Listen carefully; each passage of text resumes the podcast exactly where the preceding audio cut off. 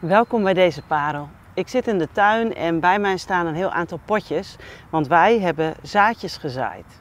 En hier komen straks aardbeienplantjes uit en daar pompoen en komkommer en tomaat. En zo hebben we van alles gezaaid in de hoop dat het boven komt. Want misschien denk je nou dan moet Maria wel hele groene vingers hebben, maar dat is absoluut niet het geval. Ik ben over het algemeen heel slecht met bloemen en met planten, maar ik... Uh, vertrouw op het Bijbelse principe dat wat je zaait, dat zul je oogsten. En vandaag is het 30 maart en uh, ik moest denken aan mijn allereerste parel. Die kwam twee jaar geleden in 2020, 30 maart, online te staan. En we zaten in de eerste lockdown en we wilden eigenlijk als kerk proberen elkaar vast te houden.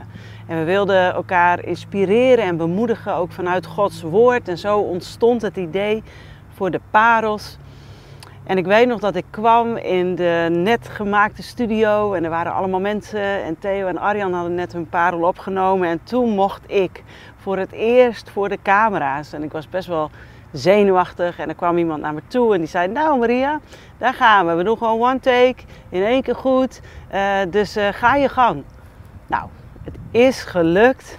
Inmiddels uh, ben ik gelukkig iets meer ontspannen en vertrouwd met het spreken in een camera. Maar wat vond ik dat toen spannend.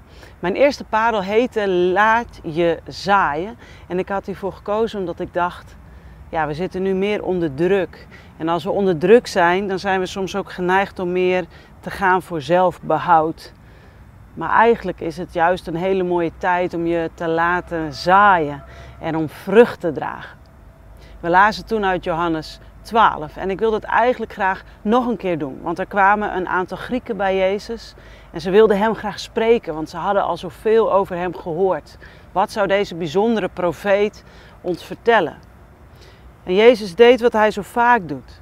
Hij vertelt niet altijd wat we graag willen horen, maar wel wat we echt nodig hebben om te horen.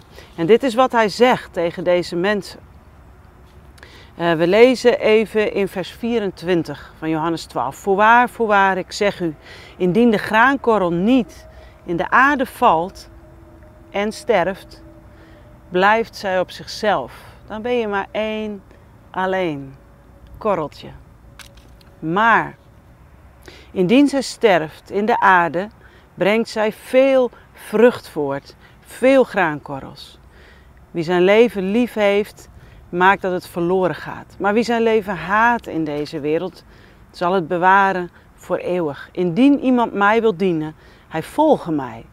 En waar ik ben, daar zal ook mijn dienaar zijn. Indien iemand mij dienen wil, de Vader zal hem eren. Dienen. Dat is wat Jezus zei. En hij gebruikt het beeld van een zaadje, van een graankorrel, die in de aarde valt. Het is een prachtig beeld en tegelijkertijd ook een heftig beeld. Want eigenlijk nodigt Jezus ons uit om ons eigen leven, nou er staat te haten, dat is een heel sterk woord, een sterk beeld zet Jezus hier neer, maar dat we dat niet belangrijker vinden dan het leven wat God met ons voor ogen heeft.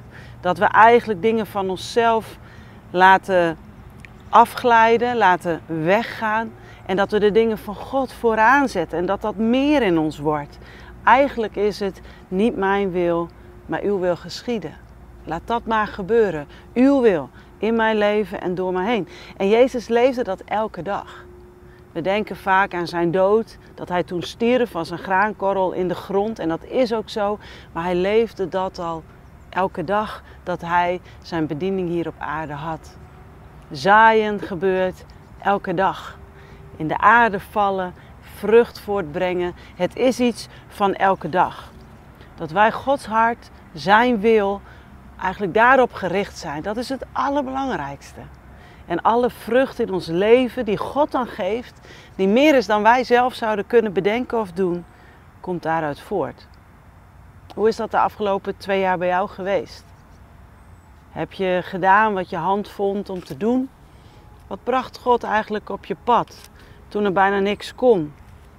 Jouw geld, jouw aandacht, jouw tijd, wie jij bent, jouw liefde. Waar heb je dat aan gegeven? Voor wie leef jij? Een paar woensdagen geleden, op 2 maart, was ik op de plek waar ik in mijn eerste parel ook over vertel. Mijn moeder en ik stonden bij een monument ter gedachtenis aan mijn opa Willem van der Sluis en de 45 mannen die gefusilleerd zijn op die plek door de nazi's. Er was die dag een herdenkingsmonument met kransleggingen omdat het 77 jaar geleden was dat dit gebeurde. In het midden van het monument zie je een stolp met graan en een gedicht. Aan weerszijden zijn de namen van de omgekomen mannen te lezen. En op het veld waar deze mannen doodgeschoten zijn, was graan gezaaid. En door hun bloed, door de voedingsstoffen in dat bloed, is het graan dat jaar hoger gegroeid. Met vollere korrels en iets roder van kleur. En dat graan is heel zorgvuldig geoogst en in die stolp gedaan. Dus het graan wat je ziet is ook echt het graan van 1945. En het gedicht luidt als volgt. Warm bloed doordrenkt onze velden. En rijper rijpte hier het graan. O mocht uit het offer dier helden zulk een oogst van vrijheid ontstaan. En terwijl ik daar stond, besefte ik, mijn opa is gestorven voor de vrijheid. Hij was actief in het verzet tot de dag dat hij verraden is. En zijn dood was als een graankorrel in de grond. Maar zijn leven was dat ook. Elke dag leefde hij dat principe. Gods wil boven zijn eigen wil. Hij liet zich zaaien toen hij leefde en niet pas op de dag dat hij stierf. We sterven allemaal één keer, maar we leven elke dag. Elke dag opnieuw. Nieuwe kansen, nieuwe mogelijkheden, nieuwe uitdagingen, nieuwe dingen die op ons pad komen. En de vraag is: hoe leef jij? Voor wie leef jij? Waar leef jij voor? En die vraag moet van tijd tot tijd ons weer voor ogen gehouden worden. En Jezus doet dat hier. En natuurlijk komt er een dag dat je sterft. En soms zijn we daar ook bang voor. Wat komt er allemaal nog? Maar de vraag die veel belangrijker is op het moment dat je sterft, hoe ben je dan gevonden? Hoe word je dan gevonden? Waar was je mee bezig? Waarvoor leefde je? Waarvoor zette jij je in? mijn verlangen is dat we een gemeente zijn die elke dag opnieuw zegt: Maar Heere God, niet mijn wil, maar uw wil, laat dat gebeuren. En ik wil beschikbaar zijn. Ik wil me laten zaaien in mijn tijd, in mijn energie, in mijn mogelijkheden, met mijn talenten, met mijn gaven, met alles wat u mij geeft. Wil ik leven tot uw eer. Dat is mijn verlangen. Niet uw wil, mijn wil, maar uw wil geschieden. Hoe ziet dat eruit in jouw leven?